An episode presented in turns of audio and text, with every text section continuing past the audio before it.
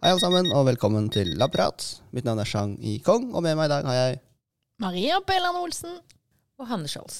Og vi sender fra Institutt for indremedisinsk forskning ved Oslo universitetssykehus, Rikshospitalet. Velkommen, Hanne. Tusen takk. Jeg er uh, veldig glad deg her i dag, fordi vi skal uh, spørre deg om noe i denne prosjektspalten vår.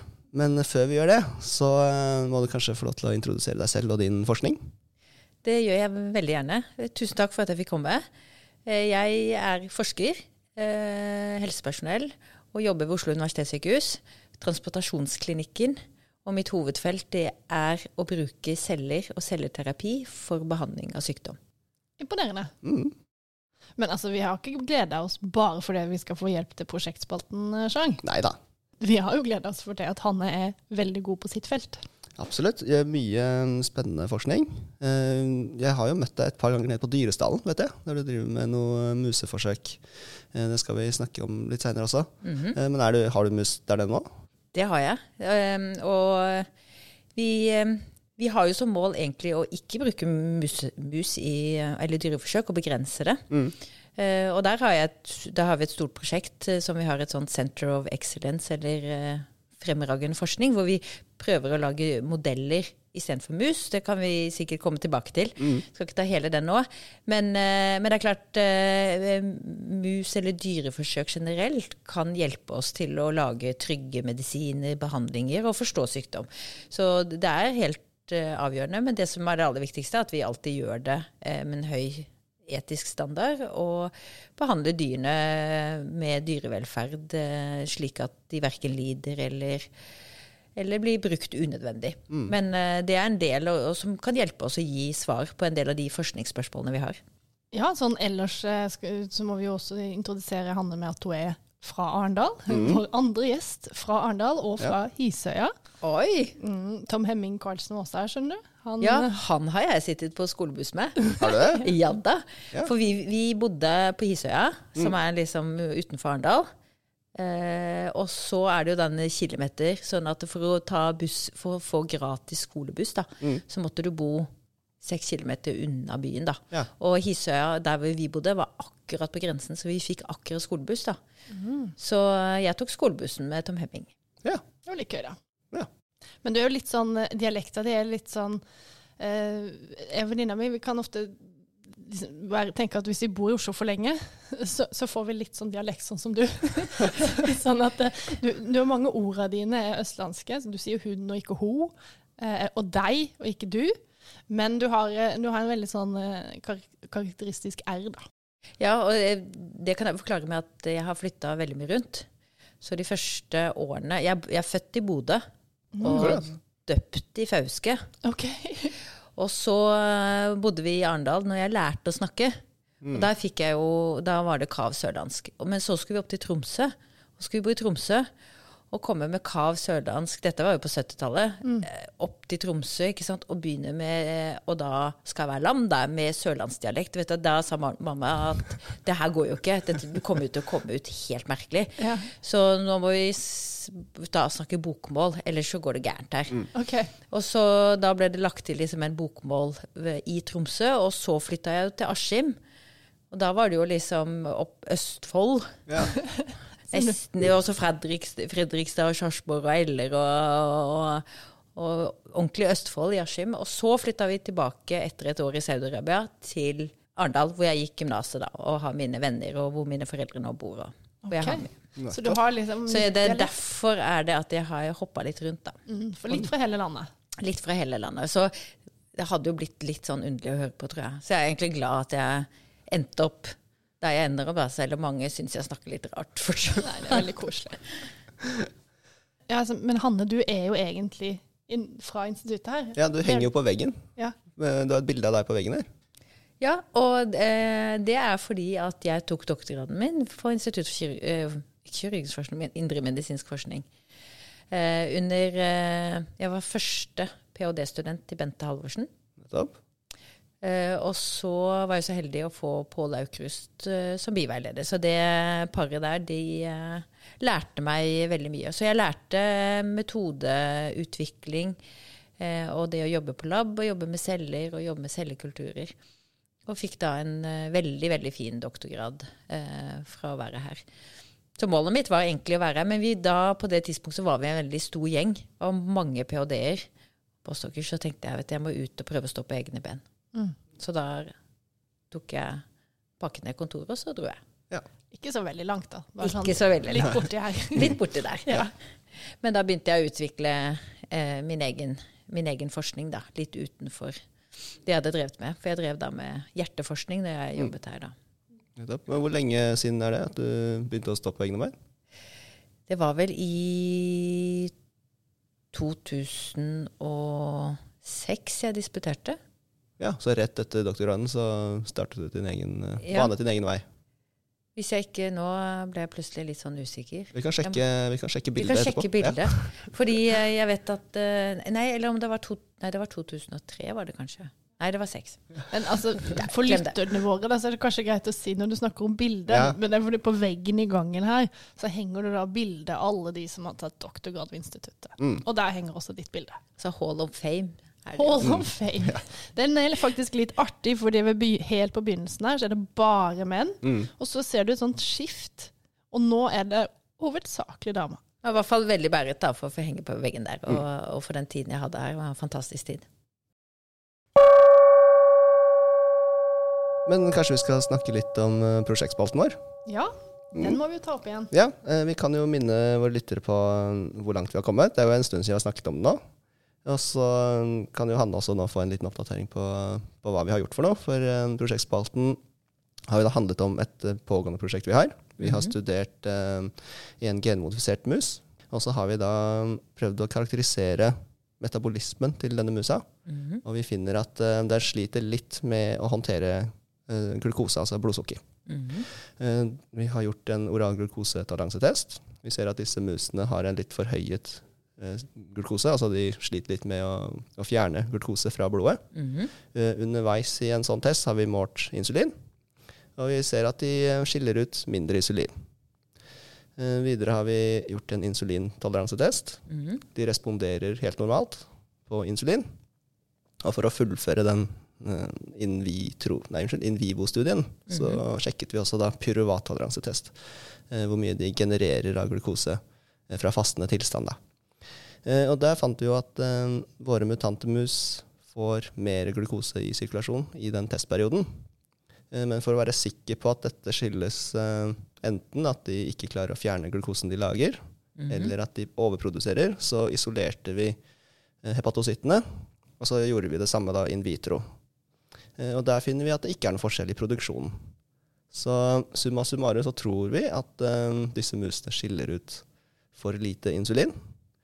Eh, og vi har også da, siden sist vi snakket om prosjektspalten, har vi høsta ned pankreas, altså bukspyttkjertelen. Eh, og så har vi lagd en sånn mos av det, Maria. Ja, det stemmer. Ja, og så har vi da ekstrahert ut insulin for å se om de produserer, eller om de har like mye insulin i bukspyttkjertelen til å begynne med. Og det har de. Da er Eh, det totalinsulin da du har sett på? totalinsulin, eh, og normalisert da mot eh, mengde vev vi har, eh, vi har brukt. Eh, så det er jo da Det vi er litt stuss på nå, Maria, er hvor, eh, hvor, hva gjør vi nå? Ja. Og der eh, håper vi, Hanne, du har noen innspill. Det kan jeg Innspill. hjelpe deg Ja. med. Ja. Det jeg ville gjort, da, som vi kan borte hos oss, er jo å isolere ut eh, eyelids, altså mm. de lange hanske øyne, som er de som inneholder betacellene, som er de som produserer insulin. Men de inneholder også alfaceller, produserer glukagon. Mm. Så jeg ville isolert ut de insulinproduserende eyelids, Mm. øyeceller. Og der kan du gjøre funksjonstester. Vi har eh, dynamisk perfusjonssystemer borte hos oss, Mm. hvor eh, du kan ta ut disse cellene, eller disse konglomatene av, eh, av eh, blanding av celler. Og så kan du eh, perfundere de med eh, henholdsvis eh, lav glukose, høy glukose, lav glukose. Du kan også tilsette KCL, som på en måte Nå blir det jo litt sånn eh, nerdete her, men det, er bra, er et middel som på en måte får alt insulinet ut. Mm. Og du, eller du kan sette til andre eh, medikamenter som vi vet øker insulinsekresjon, f.eks. Exendin 4, som er sånn inkretin eh, hormone, Eller eh, lignende eh, som inkretinhormonene, som er med på å regulere blodsukkeret i kroppen vår, og som mange med diabetes går på som medisin.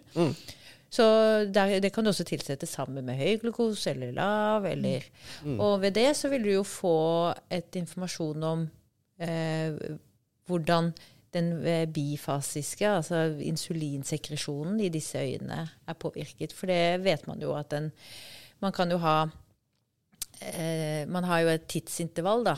Og så vet man at insulin det går opp veldig fort.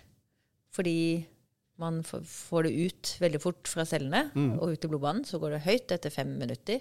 Og så går det litt ned igjen. Så, og så går det opp igjen etter 45 minutter. 50 minutter. Så man har sånn bifasisk insulinsekresjon som eh, alle friske celler har. Men hvis man f.eks. har sykdom, så kan den ene fasen være borte. Nettopp. Ok.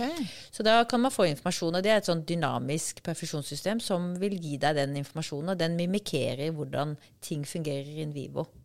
Så det er rett og slett at du har en type boks eller en annen type et sted hvor du kan putte cellene. Kan du dytte på med ulike stoffer, og så kan du lese av hvor mye insulin som kommer. Ja, så det vi gjør er å samle opp rør, og så analyserer vi med ELISA.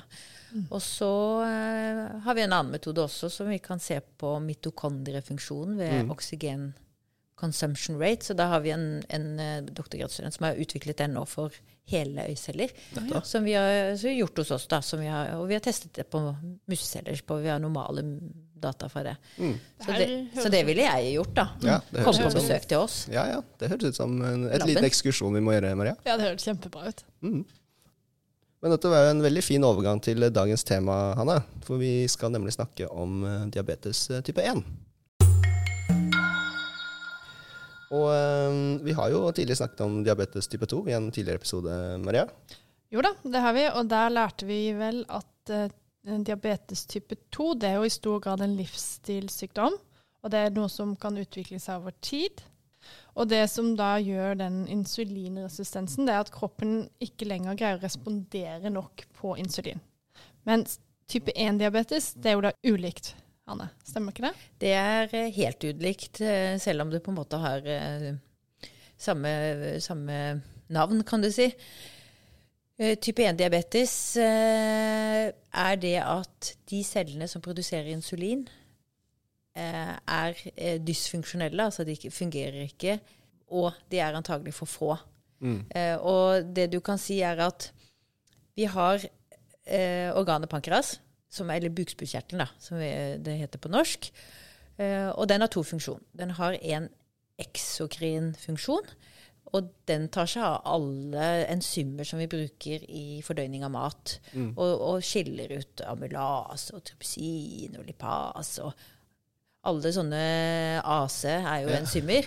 Og det skilles ut, og dermed så kan vi jo da eh, få, få, få nedbrutt maten vår. Så det er den funksjonen. Og den endokrine funksjonen Endokrin det kaller man liksom når man har hormoner og sekresjon av, Ja, utskillelse av- utskillelse. Den er da glukoseregulerende. Ja. Regulerer blodsukkeret vårt. Ja. Og, da, og da er det sånn at de to funksjonene har ingenting med hverandre å gjøre, egentlig. Nei, Men det de er ligger i samme organ. Og det er jo det som egentlig er litt eh, underlig, da, er at dette eksokrine vevet er jo masse lipase. Det er jo laget for å bryte ned ting. Så det skal jo ingenting til før det aktiveres.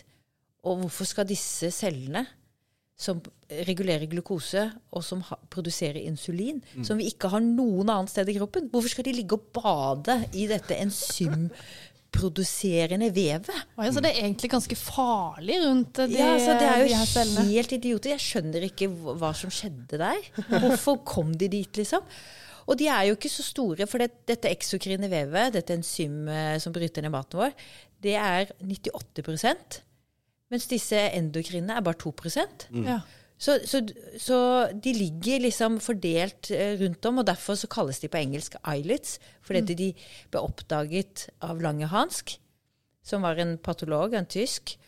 Så islets of Lange Hans blir da fordi at han oppdaget at de lå som sånne øyer rundt i dette, og badet i dette, denne sjøen av enzymvev. Akkurat. Så hvorfor de er der. Og, og samtidig så vet vi at disse cellene har veldig lite antioksidanter, som kanskje dere har vært inne på i en annen podkast, som er det vi prøver å få i oss når vi spiser blåbær og alt mulig. Å få liksom eh, antioksidanter så vi kan liksom få ned oksidativ stress og alle disse tingene. Det har de nesten ingenting av. Så det er jo ingen forsvarsmekanismer. Det er veldig merkelig. Ja, veldig rart. Men er, det sånn, er er dette organet likt i mange dyr? Vet du det? Eh, nei, altså sånn eksempel i mus så ser det helt annerledes ut, men, men til, til dels så er det ganske Altså de har jo to, to funksjoner, så, men eh, formen på det er litt annerledes, da. Men, eh, men du finner da eh, disse øyceller, som, eh, som vi kaller det på norsk, liggende i hele pankeret. Og, da, når man isolerer øyceller, vil si at man liksom får, får de ut fra dette og fjerner det fra det eksokrine vevet. Og det er bare disse to prosentene som er da denne endokrine funksjonen. Uh, og de, de klarer seg jo fint i pankeras, men, uh, men når det skjer en eller annen uh, aktivering av T-celler, som det skjer ved type 1-diabetes, av en eller annen årsak Det er masse teorier. Det er om det er en genetisk sykdom, en uh, sykdom som er startet av virus, bakteriell infeksjon. Det er forskjellige teorier. Og uh, kanskje en kombinasjon, det vet man ikke ennå. Men resultatet er at forsvarscellene våre, T-cellene, begynner å angripe betacellene, for de tror at uh, disse er fremmed. De skal bort. De er farlige. Mm. Så det er en autoimmun sykdom. Så da kaller man det en autoimmun sykdom, men man er ikke helt Altså, det, det er en diskusjon, da. Men det er det jo ofte i, de, i vitenskapen, Ja. da. På hva som er korrekt. Mm. Så, okay. så det som skiller type 1-diabetes fra type 2, er at det er rett og slett en ødeleggelse, eller en, en mangel på eh, evnen til å skille ut insulin. Ja, men ikke alltid liksom eh, det, Nå skal jeg korrigere deg litt, Janne. fordi det er at man egentlig får betacellemassen for lav. Og i et friskt menneske, altså når vi blir født, så fødes vi La oss si at vi har 100% insulinceller. Og de skal holde hele livet. Du får ikke noe særlig nye.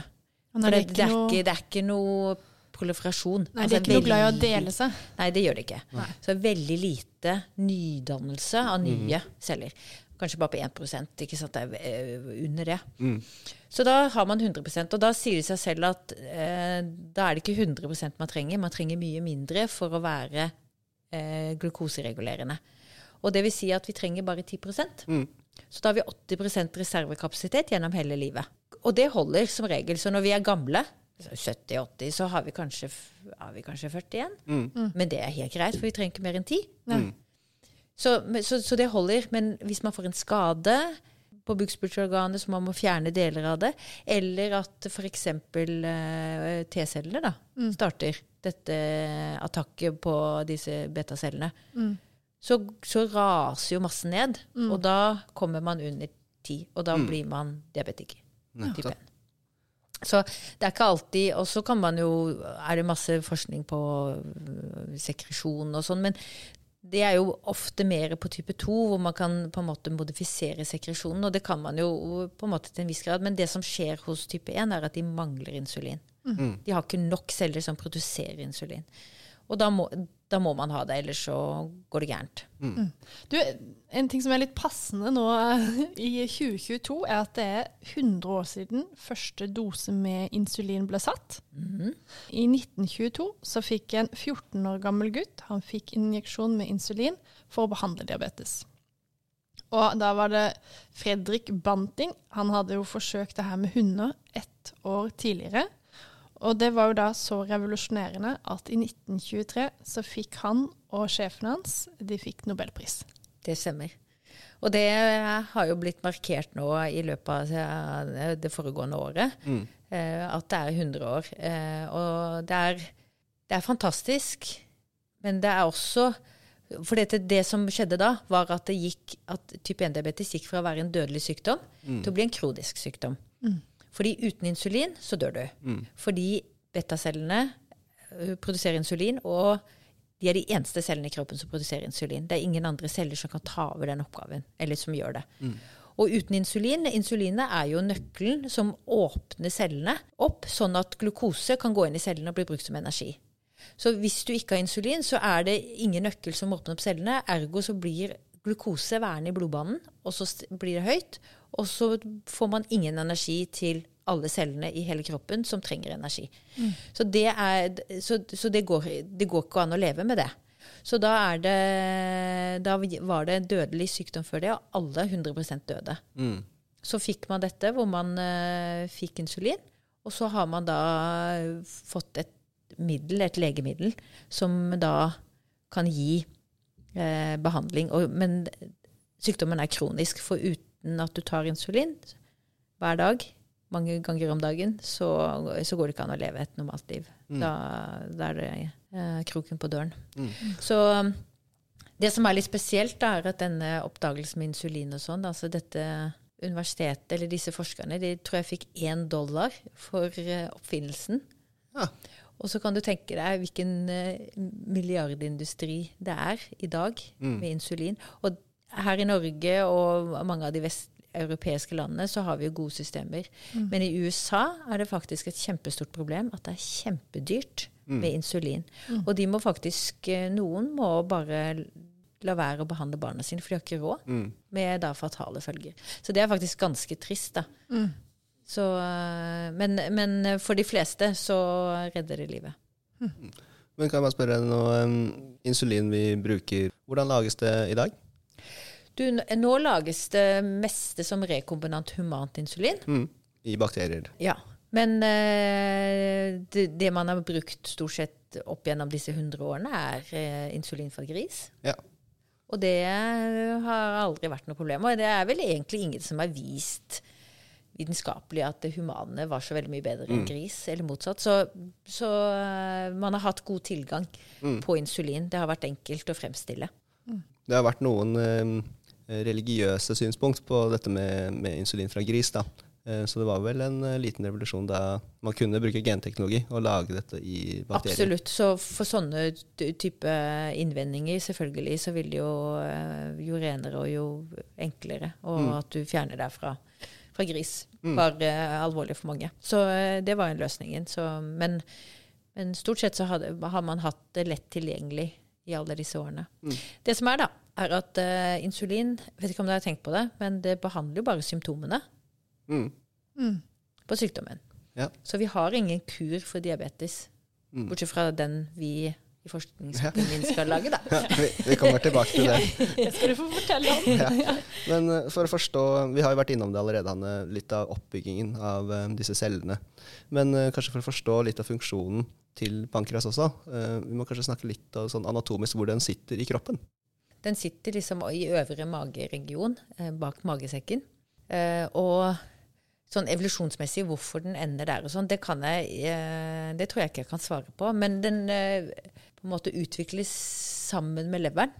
I en slags, og, og den henger jo litt sammen med leveren i forbindelse med gallegangene. Og, og, og det har jo også noe med pankeras eh, altså dukten, eller hva skal man kalle det på norsk?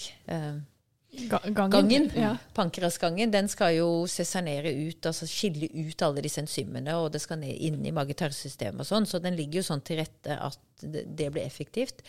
Det andre er jo at dette organet må jo være veldig godt eh, staffet med kar, blodkar. Altså vaskularisert, sier vi på fagspråket, da, men det er, at det er masse blodkar som går inn og ut. Og også inne i, pank i denne bukspyttkjertelen inne i disse, inn til øyene. Og det har noe med at hvis avstanden mellom de cellene som skal sense hvilket blodsukkernivå du har, og skille ut, den må være veldig liten, for dette her må skje hele tiden. Fordi hvis du tenker nå Du tenker kanskje ikke på hva du har i blodsukker nå, Nei, eller nå, sjeldent. eller nå. Nei. Eller hvis du er ute og trener, eller sånn. Altså, du, du, du kjenner at du er sulten, og så spiser du litt. Og det som sannheten er, at eh, vi som er friske, vi har jo en blodsukkerregulering som ligger uhorvelig eh, tett regulert. Og det vil si at, at vi eh, har jo mekanismer som hele tiden ordner dette systemet. Og da, men da, det er klart at hvis Sånn som diabetikerne, da, som eh, injiserer insulinet subkutant i huden. Det bruker litt tid på å transportere seg inn til blodårene. Mm. Og du måler jo blodsukkeret i sirkulasjonen sirkulasjon i blod. Så, så det er en lagtime der som er ganske vanskelig for mange diabetikere å, å kjenne på. Fordi Har jeg satt nok? Har jeg satt for lite? Eh, hvor lang tid bruker det inn? Har det påvirkning at jeg er i høyden? Eh, Alle disse tingene. Så det er mange sånne småting som ikke man tenker over at man faktisk må tenke på som type 1-diabetiker. Eh, I forhold til selv om man har hjelpemidlene insulin da, for å behandle det. Så det er, det er, ikke, det er ikke en enkel sykdom. Jeg må jo innrømme at før jeg begynte med forskningen, så tenkte jeg liksom at ja, men man har jo insulin, så de er jo home free. men, men det er jo ikke så enkelt. Og det, det er ganske komplisert og, og vanskelig kronisk sykdom. Og jeg må jo si at jeg er imponert over alle de som har sykdommer, hvor flinke de er. Og det, det er jo ofte barn, da. Starter hos barn. Ja, fordi da, Nå har vi kommet til pasienten, og da, har jeg, da lurer jeg på hva er egentlig symptomene på diabetes? Hvordan, når du får en ny pasient, eller når det kommer en ny pasient? Symptomene er sånn klassisk at du går ned veldig i vekt, eh, du blir veldig tørst, søvn, du får økt søvnbehov. Um, sånn at det er klart at hvis en, en ung person får disse symptomene, så vil man jo tenke at ok, her må vi ta en test for å se om, om det er noe her. Eh, så det gjør man jo ganske raskt hvis man kommer til legen med sånne symptomer. For det er jo uvanlig at man er det når man er ung og, og barn. Så mm. pleier man å, å være høyt og lavt. Så da tar man en test av langtidsblodsukkeret, da. Både måler langtidsblodsukker, og man gjør sånne, eh, sånne belastningstester hvor man gir sukker i en væske, og så måler man blodsukker, og så ser man om når det, liksom man forbruker dette sukkeret, om eh, reguleringen da er innenfor. Og da, får man, da har man en god Man har mål på hva blodsukkeret skal være fastende hvis ikke man har spist, og hva det skal være når man er i en sånn test. Og da kan man, har man grenser, da, medisinsk sett, som, eh, som vil si noe om at eh, man har type 1 eller, eller ikke. Eh, vi har jo snakka litt om pankreas, og du har nevnt eh, betaceller og langranseøye. Men det, det er jo egentlig ganske mange eh, hormonproduserende celler der inne. Det, det kan nesten være litt sånn koronavirusvariantnavn, for du har jo al alfaceller, betaceller, og du har vel deltaceller. Altså, ja. Vil du, vil du utdype litt om de forskjellige celletypene der, eller kanskje For de produserer ulike hormoner, gjør de ikke Ja. det? Ja, så, og, de, og de er veldig viktige. Så, så, og det er derfor um, det ikke er så lett å, å eh, på en måte kurere sykdommen. Fordi du trenger ikke bare betacellene som produserer insulin, men du trenger også alfacellene som produserer glukagon, som har eh, motsatt funksjon av eh, insulin. Så når blodsukkeret blir veldig lavt, så er det alfacellene som produserer glukagon, som da forteller leveren at nå må du i gang med glukoseproduksjon, og så må vi få opp blodsukkeret. Det er klart, for høyt blodsukker og for lavt blodsukker er like farlig. Av disse andre celletypene så er de også med på reguleringen, selv om ikke vi kan så mye om de, men f.eks. deltacellene, som produserer somatostatin, som også er med på både regulering av insulin og glukagon i et samspill. Og så har du jo noen epsilon-celler. Så alle disse cellene har, er jo der fordi de har en funksjon. Eh, det er klart at betacellene er, er hos et menneske sånn en menneskelig langerhansk øy, så er det ca. 60% 50-60% og alfacellene er rundt 20-30, 30 ca. Og så har du jo disse andre celletypene, delta og epsilon, og disse som ligger rundt sånn 5-10 hver. Ish. Så, så derfor så har du men, men uten de eh, Du må liksom ha alle sammen for at det skal være en perfekt glukoseregulering. Og er det, er det noen sykdommer som da rammer de andre celletypene? Altså, Det vi vet da på type 1, er jo at insulincellene blir jo angrepet, betacellene. Eh, så, fordi de blir gjenkjent da, som, som egne, og så blir de eh, fjernet. Eh, øycellene blir ikke borte fra pankras av den grunn. Det vi vet er at en, det som skjer er at en god del av alfacellene begynner å vokse, fordi øy, disse øycellene de inneholder ca. et sted sånn rundt 1500 celler i hver øy. Og så har vi ca. en million av disse øyene rundt i pankras, da. Tror vi, da. Sånn ut ifra det vi har sett til nå. Og da er det sånn at eh, da begynner faktisk eh, alfacellene å ta plassen til betacellene, fordi vi ser ikke at disse øyene skrumper inn. Nei. Men så er det sånn at diabetes er jo en komplisert sykdom som også påvirker Altså glukose høyt og lavt påvirker mange organer. Og det er jo det som er det alvorlige. de sekundære komplikasjonene som påvirker øynene, nyrer, eh, hjertekar. Så det er jo for så vidt ikke selve diabetesen som er noe farlig, det er disse komplikasjonene fordi organene svikter og på en måte blir påvirket. Og det er det fordi at blodsukkeret er toksisk, altså giftig, i høye og lave doser. Og denne variasjonen som går veldig høyt og veldig lavt, er ikke bra for Mm. organene. Så det, det ødelegger de.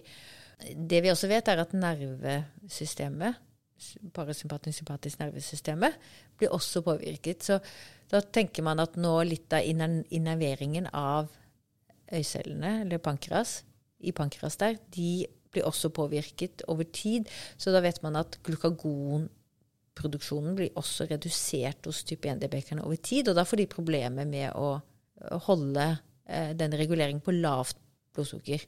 Så, så om de tar eh, altfor mye insulin, så har de liksom ingenting i kroppen Mm. som kan hjelpe de til å få opp sukkeret igjen. Så da må man jo da ha Så det perfekte som mange av disse pumpene man utvikler, vil jo være å ha både insulin og glukagon. Mm. Men det er, det er, da er vi inne på veldig vanskelige reguleringer som er Det er vanskelig å finne gode systemer som gjør dette perfekt. Mm. Men, men er det da man får sånn føling som eh, diabetiker? At man ikke får eh, justert opp glukagonproduksjonen? Ja, man får ikke Man merker ikke Altså, man, ja, man får føling, og da må man ha sukker. Ja. Og eh, noen eh, av pasientene, det er jo de vi behandler i, i våre transplantasjoner, merker ikke at de får lavt blodsukker. Nettopp. Og det er ofte på natten. Du Mm. tenke, man, man tenker jo liksom ja, vi kan jo sove hele natten. Men det kan du jo ikke hvis du ikke vet hva blodsukkeret ditt er gjennom natten, og ikke du har full regulering. Mm. Så der, Derfor så må de ofte opp, og noen av de fader, kan fade ut om natten. Så har ja, kan ende med liksom dead in bed-syndrom, som noen opplever. Så det er jo ganske alvorlig, da. Så da blir det jo en kjempebyrde for alle rundt, som må da vekke vedkommende kanskje to-tre ganger per natt. Mm. Hver natt. Ja. Sjekke blodsukkeret. 24-7, 365 dager. Mm. Det er, ganske, det er liksom aldri pause. Nei, det er virkelig ikke. Så det er derfor er det viktig å finne en kur. Mm. Ja, for nå, Hanne, er det vel på tide å, få, å snakke litt om hva du faktisk gjør. For det er utrolig spennende. Mm. Ja, så da er vi liksom inne på at vi ønsker jo å kurere eh, sykdommen. Og man kan gjøre det på forskjellige måter. Altså Man kan jo selvfølgelig hindre at den utvikler seg. Det er jo én forskning. Eh, som også er spennende, og det gjøres mye på. Eh, det å lære om genetikken, det å lære om eh, eh, immunresponsen, altså om man rett og slett kan stoppe det før det skjer, det er også en veldig viktig forskning, og som det gjøres mye av. Eh, det vi har fokusert på hos oss eh, på transplantasjon, er jo eh, og kurere de med å gi de friske insulinproduserende celler, altså eller friske øyceller. Ja, du transplanterer rett og slett inn eh, nye, friske celler. Ja. Mm. Og, så, eh, og det er en metode som eh, fikk suksess eh, i 2001, da en kanadisk gruppe klarte å vise at syv pasienter som fikk en sånn transplantasjon av friske øyceller, ble insulinfri. Altså det vil si at de ikke trengte å ta insulin i sprøyte og, eller måle sitt blodsukker. Så du klarte da mm, ved hjelp av det å regulere blodsukkeret litt, sånn som, sånn som vi gjør. Ja, rett og slett. Så jeg pleier å eh, eh, sidestille det litt med at hvis du Man kan jo forsøke Man kan ta en vitaminpille, og da får man masse vitaminer. Men det erstatter jo aldri det å spise grønnsaker og blåbær og sånn, for det man får noe mer som man kanskje ikke helt vet. Så det å få en endokrin og få eh, en egen produksjon av Mm. insulin som er i kroppen, og som senser blodsukkeret der, det er noe helt annet enn å ta insulinbehandling. Mm. Men så er det jo sånn at eh, det er jo ikke perfekt, og vi har en del eh, drawbacks som, eh, som må etisk veies opp mot byrdene av sykdommen, da. Mm. Men cellene, hvor får du de fra? Disse du transplanterer? Det vi eh, gjør, er at vi isolerer det ut fra eh, donororganer, som, mm. som er på samme program som organdonasjon generelt, eh, hvor eh, avdøde givere via pårørende gir, sin, gir sine organer da, til eh, mennesker som er eh, syke. Mm. Og det er det samme programmet som er for hjerte, lever, lunge, nyrer. Og da er det sånn at da kan, ser jeg at dere kanskje spør kan vi ikke bare ta hele dette organet og transplantere det. Og det kan vi. Ja. Men så er det sånn, hvis dere har fulgt med litt tidligere, vi trenger jo ikke mer enn 10% 10% og vi trenger ikke hele organet. Fordi pankras den var vel 98 av eksokrint vev. Mm. Farlig, rett og slett. 2 Ja. av uh, endokrint. Mm. Så dermed så trenger vi ikke hele. Og så er det sånn at fordi at det er så mye eh, innervering, altså nerver og blodårer som går inn og ut, og det er et veldig sånn Det er veldig lett å få en betennelse hvis man på en måte manipulerer organet for mye, så kan disse enzymene begynne å aktivere så man kan få betennelse, hvilket gjør ekstremt vondt. Ja. Mm. Så smerter at det er helt uutholdelig. Mm. Så Derfor så er det et vanskelig organ å, å håndtere rent kirurgisk. Men Mm. man får det til, og det er veldig gode resultater på det. Men det er en, det er en stor operasjon da, å få et helt organ. Mm. Så eh, da kom man jo på, da, på 70-tallet, at eh, ja, vi kan jo bare isolere ut de cellene vi trenger. Mm. Og det har man utviklet en metode på. Mm. Og den har vi satt opp hos oss. eh, I samarbeid med eh, særlig Uppsala, som har på en måte vært moderlaboratoriet på dette. Og vi har et nordisk nettverk da, som vi gjør dette sammen med. Mm. Og, og da har vi klart oss å gjøre det, og da får vi ut disse cellene, og de kan vi sette tilbake til de som har da alvorlig type 1-diabetes. Men siden det, du trenger bare 10% kan du bruke én pankras til flere? Eller er det én til én? Eh, vi skulle ønske vi kunne bruke én til flere, men det er én til én og kanskje to til én. Ja. Og det er rett og slett fordi vi setter jo ikke disse cellene inn i pankreas igjen. Både fordi at det er komplisert å gå inn i det organet, og fordi det er jo tross alt en, en eller annen autoimmun attakk av disse cellene. Så vi vil jo forvente at den, de kanskje ser på de nye cellene vi setter inn som også fremmed. Så derfor eh, så setter vi de i leveren. OK. Så, og leveren er jo et stort organ, og der er det eh, mye branching av mm. blodårer ut. Og, og de bare følger blodbanen inntil de setter seg fast, og så embedder de inn i leveren i Ja. eh, endotellet, og dermed så blir leveren det nye insulinproduserende organet. Okay. Men uh, i pankreas så, så bor de jo i disse øyene. Men uh, gjør de det i leveren, eller er de, ligger de sånn én og én? eh, Nei, vi eh, isolerer alltid øyene som hele. Ja, ok, Så pasienten får eh, også alfa og alle disse andre cellene? Ja. Ja. Men så er det det, hvis du er våken nok, skal jeg stille deg et spørsmål. Hvis du setter disse øynene i leveren, Mm. hvordan blir eh, glukagonreguleringen da? Eh, glukagonregulering Jeg vil jo tippe at den blir, den blir jo påvirket, fordi leveren har jo en helt annen funksjon enn en enn pankreas. Ja, Og så vil jo leveren produsere glukose. Ja. Så dermed så vil det jo ikke være noe signal for disse cellene Mm. Å produsere glukagon. Nettopp. Så de, det blir slått ut, rett og slett, den Den blir litt slått ut, Mm. den som er. Men, men eh, når man gjør dette, så vil man jo ikke fjerne et organ som har en eksokrin funksjon for type 1-diabetikerne. Det er ikke noen grunn for å fjerne det, selv om, selv om de ikke har noen betaceller i sitt opprinnelige bukspyttorgan. Så dermed så har de alfacellene, de fungerer jo. Ja. I hvert fall en stund. Ja. Og kanskje vi, Der har man jo ikke så Litt vanskelig å vite hvor som kom, hva som kommer fra hva. og sånn, Det kommer kanskje litt fra leveren og litt der. Men, men man har eh, glukagonproduksjon i pankeret som kan eh, sense, og som kan da sense det lave blodsukkeret. Nettopp. Ok. Men kan jeg stille et annet eh, Dette blir litt teknisk, så vi får se om, se om vi klipper det bort eller ikke. Men jeg må bare spørre, når, du, når disse øyene havner i leveren, så ligger de jo nå anatomisk eh, på en annen plass enn hvor de skulle ha gjort. da. Når man har spist, så kommer jo blodforsyningen fra magetarm. Det får jo da en innsprøytning fra pankreas. Og så skytes da dette Det første organet treffer, er jo leveren. Eh, og de mennesker som har et veldig usunt kosthold eller har insulinresistens eller et eller annet, overproduserer jo insulin for å kompensere. Eh, og når leveren får veldig høye doser med insulin, så kan det gi eh, sekundære effekter som, som fettlever og andre sykdommer. Og nå har vi da disse insulinproduserende cellene faktisk i leveren. Eh, ser man sånne bieffekter etter en transplantasjon? Det gjør man. Man ser steatose i, Ja. i leveren. Som betyr fettlever. fettlever.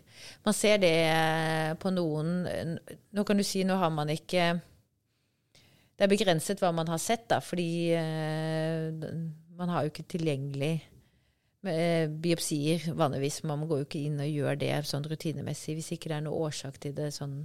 Mm. Så, men, men eh, det er jo en del, noen diabetikere som har eh, eh, gått bort, og hvor man har eh, klart forskningsmessig å ta leveren og, og lage snitt av det, blant annet. Legge det inn i biobanker, sånn at man kan studere. Og da ser man ser eh, at, eh, at de kan eh, få litt steatose over tid, ja. Ok. Så det er en, en bivirkning. Årsaken litt til at leveren er valgt altså en, Forskningsmessig så prøver vi å finne andre steder, men det er jo nettopp pga. den portale drenasjen av blodet, sånn at du får en effektiv blodsukkerregulering. For det, cellen cellene er der hvor liksom den skal sense og, og sesernere ut insulinet. Og så er det jo det at eh, eh, at den har plass nok. For hvis vi husker liksom disse øyecellene, hvorfor de heter øyer, det var jo fordi de var, lå spredt rundt. Så de trenger plass. De kan ikke bare putte sammen i en liten klump alle disse øyecellene og så legge den under huden i en liten pose. For da da har de det ikke bra, for da får de ikke nok nære Altså alle cellene i denne øya, 1000-1500 celler, ganske mye. Og de er avhengige av uh, god plass. Og så er de avhengig av å få veldig raskt revaskularisering, altså ny blodforsyning inn til seg. Nettopp. Så disse tingene er jo avbrød eh, mot, mot selvfølgelig leveren, men eh, det er per dags dato det er eh, organet som har vist best effektivt. Og vi har jo pasienter som har gått eh, uten å trenge insulinbehandling i snart 25 år. Ja. Det er utrolig. Nå er det sånn at vår viktigste oppgave fordi at ikke behandlingen er effektiv nok, da, det er for de som ikke merker at de får veldig lavt blodsukker, og som har den, disse alvorlige altså problemer med å regulere, til tross for at de er kjempeflinke med, med kost, og de er kjempeflinke til mål, og de er kjempeflinke med alle mulige ting, så øh, får de det ikke til. Eh, altså ikke fordi de ikke er flinke, men fordi at ikke det går. Og da de eh, vil da kunne bli utredet liksom, og, og, og, få transpasjon. Og de blir ofte metabolisk stabile. Mm. Og det er kanskje nok til at de kan faktisk eh, Da kan man faktisk eh, kjøre bil, og man kan igjen gå på tur i skogen uten å være redd for å falle om, og en del sånne ting. Så ø, ofte så kan det hjelpe. Eh, selv om man kanskje innerst inne vil vel alle ønske å bli kvitt helt sykdommen, men, men eh, vi kan også hjelpe de på veien. Så det er ikke alltid at vi sier at det å, å kurere sykdommen er primærmålet. Mm. Hvor mange eh, omtrentlig i året er det som får eh, transplantasjon? Det går litt eh, opp og ned. Nå har vi vært litt nede i en, vært nede i en sånn litt eh, lav aktivitet. Både pga. covid, men også pga. at det har kommet noen bra hjelpemidler. Mm. eh, med nye pumper, som har blitt ganske f eh, bra. Det de har blitt bra på, er jo at de har klarer å regulere på natten for diabetikerne. Og det vil si at da kan de plutselig sove gjennom natten, og de har ikke den uh, uroen. Uh, så mange s- er fornøyd med de og prøver de først. Og det skal man. Og årsaken til å si at man skal liksom prøve ut alt først, er jo at når man får fremmedvev, så må man ha det som man kaller sånn immundempende medikamenter. Mm. Altså medisiner mot avstøtning. Mm. Og uten det så, eh, så vil man avstøte disse. Og det er klart, eh, dette er jo noe man må gå på livet ut, og så lenge man har et fremmed vev i seg. Og det er jo også bivirkninger forbundet med det. Og det er, ja, kan være ubehag. Så derfor så er det etisk veldig viktig å ta den balansegangen. Mm. Men fem-ti? Fem-ti i året. Ja. Men Hanne, for det, det vi har snakka om nå, er jo altså transplantasjon fra, fra en eh, pasient til en annen. Men du gjør jo andre forsøk. Du prøver jo å dyrke frem disse cellene. Gjør du ikke det? Jo, det, og det er jo fordi da kan vi jo få en ubegrenset kilde. Eh, altså, man kan tenke seg en hyllevare. Det er jo målet for eh, Og man kan også gjøre ting med de som gjør at kanskje immunsystemet ikke ser det. Og dermed så kan man jo kanskje da gi det til flere.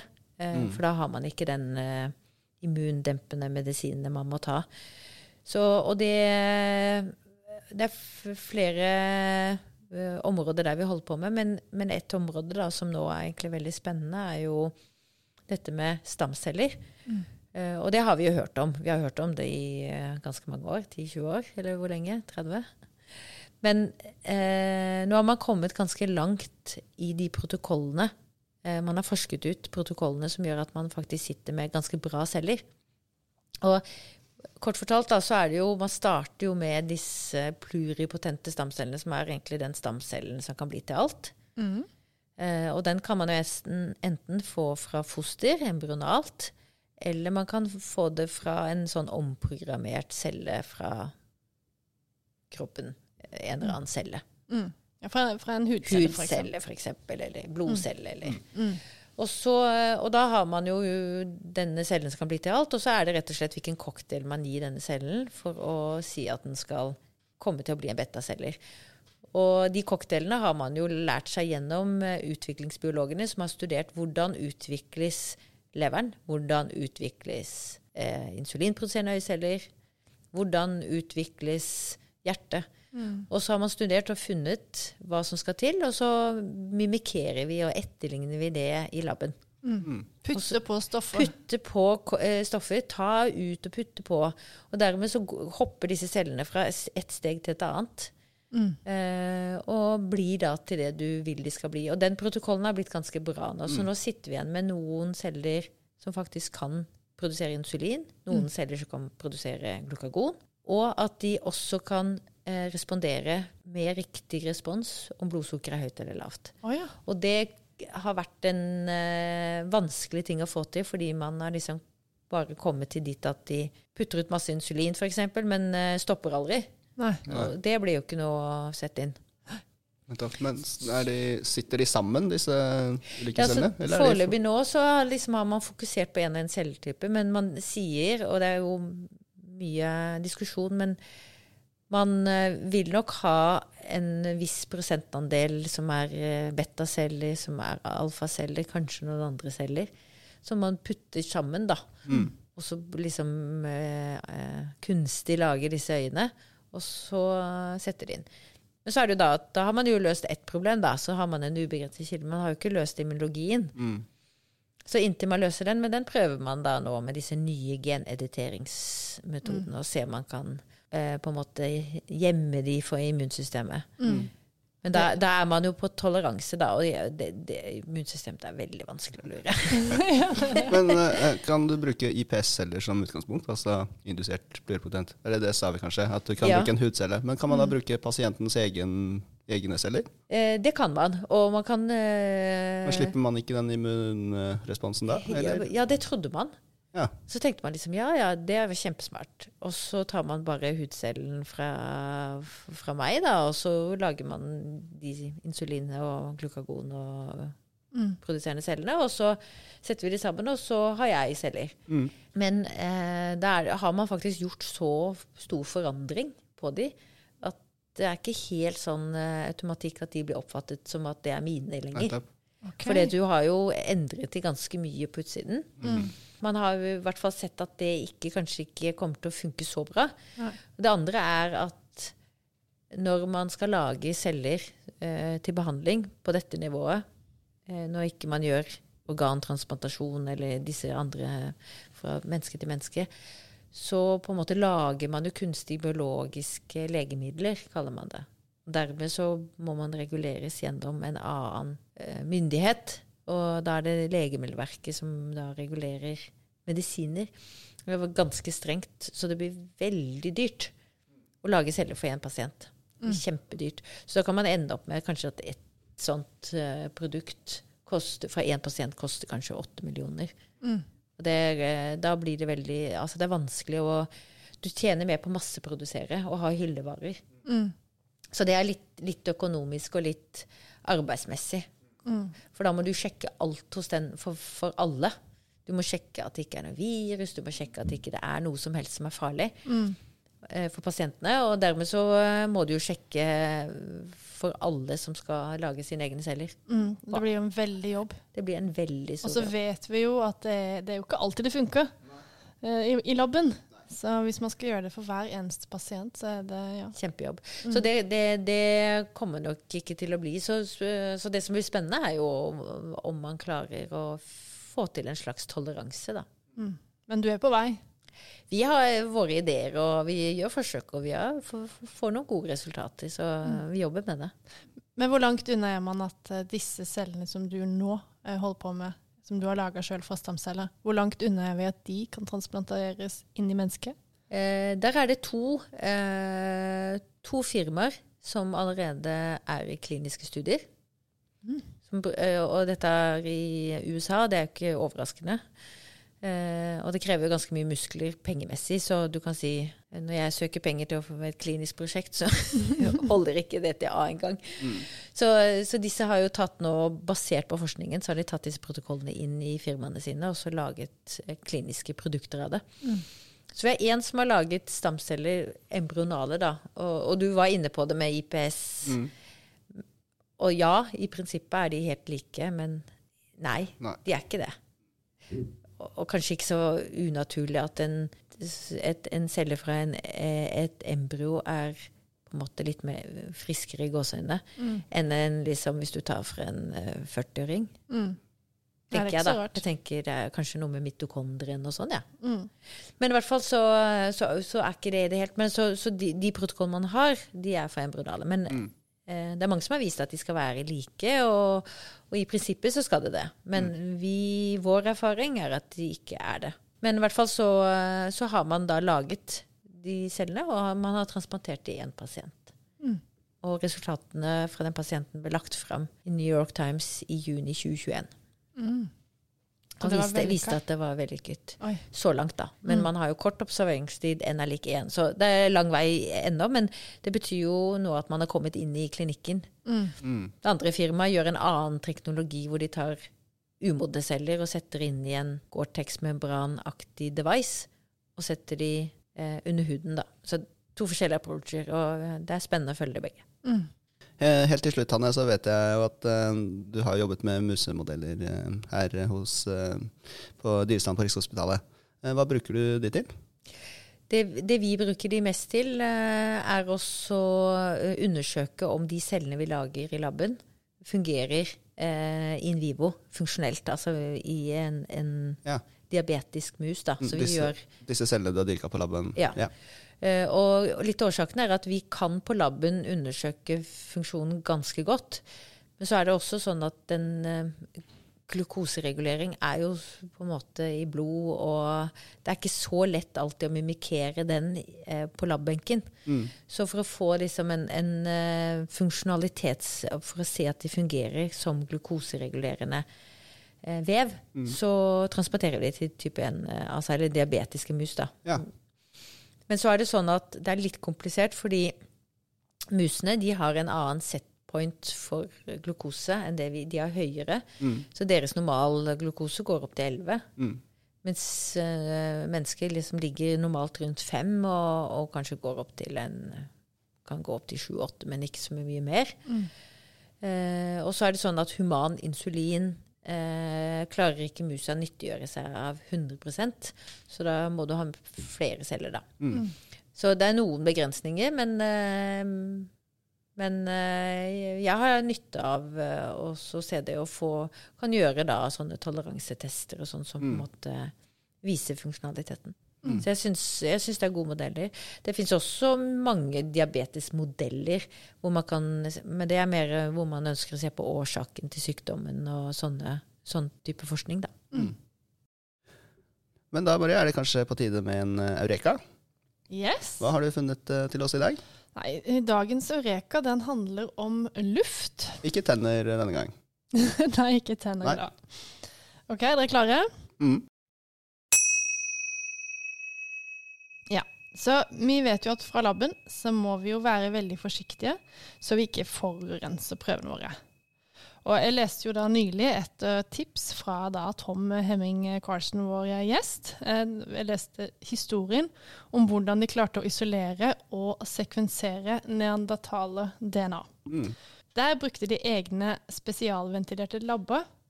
Og folk de gikk rundt i fullt verneutstyr for å gjøre de her prosedyrene. Og alt det var for at ikke DNA fra, fra labfolka, fra Homo sapiens, skulle em, kontaminere eller em, forsøple prøvene. Mm. Ok? Og da, en ting som jeg ikke har tenkt på før jeg leste denne boka her, det er at veldig mye av det støvet som er rundt, som flyr rundt i lufta, det er avfall fra oss mennesker. Eller fra dyra du har i huset. Så det er mye DNA som svever i lufta, og det er det nå to ulike forskningsgrupper som har tenkt på. Og de har funnet ut at det kan brukes til noe. Og helt uavhengig av hverandre så klarte de å isolere DNA fra lufta. Mm. Og så klarte de også å artsbestemme mange av de artene som var i nærheten. Og et av stedene hvor det ble tatt luftprøver, det var i København dyrepark. Og der klarte de å identifisere 49 ulike arter.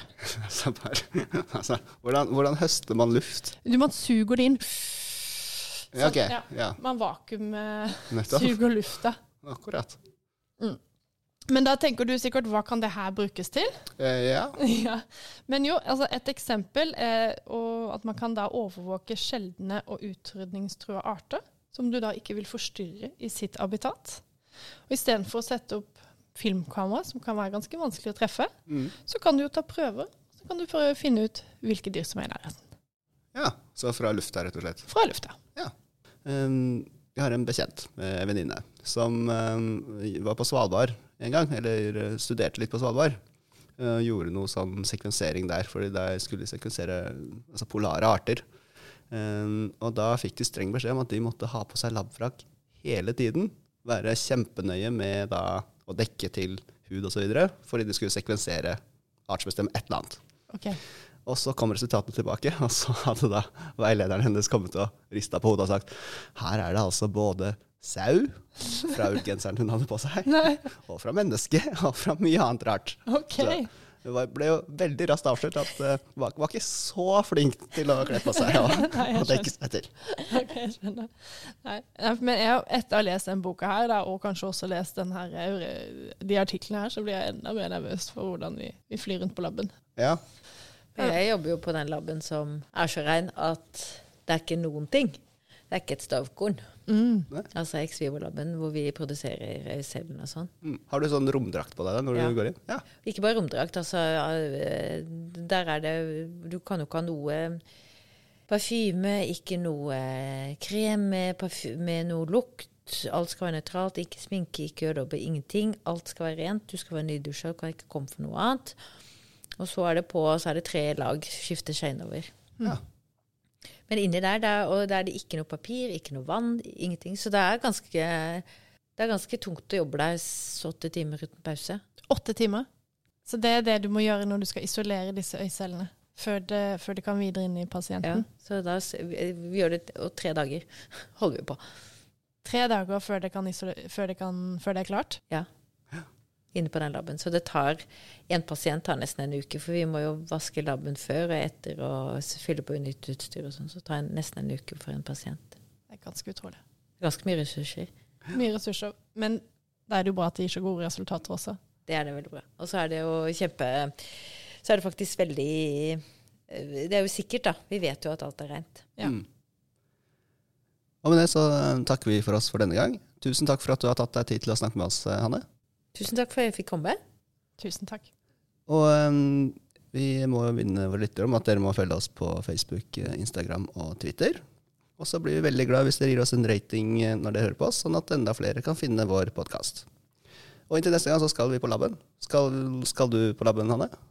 Nå skal jeg ned på laben. Du skal på laben? Ja. Skal, du, skal du inn i sånn romdrakt eh, sånn i nær framtid? Ikke inn i et rom Ja, det skal jeg på fredag. Du skal på fredag, Ja. ja. Men uh, da får vi komme oss av gårde. Og inntil videre så høres vi. Ha det godt. Ha det godt.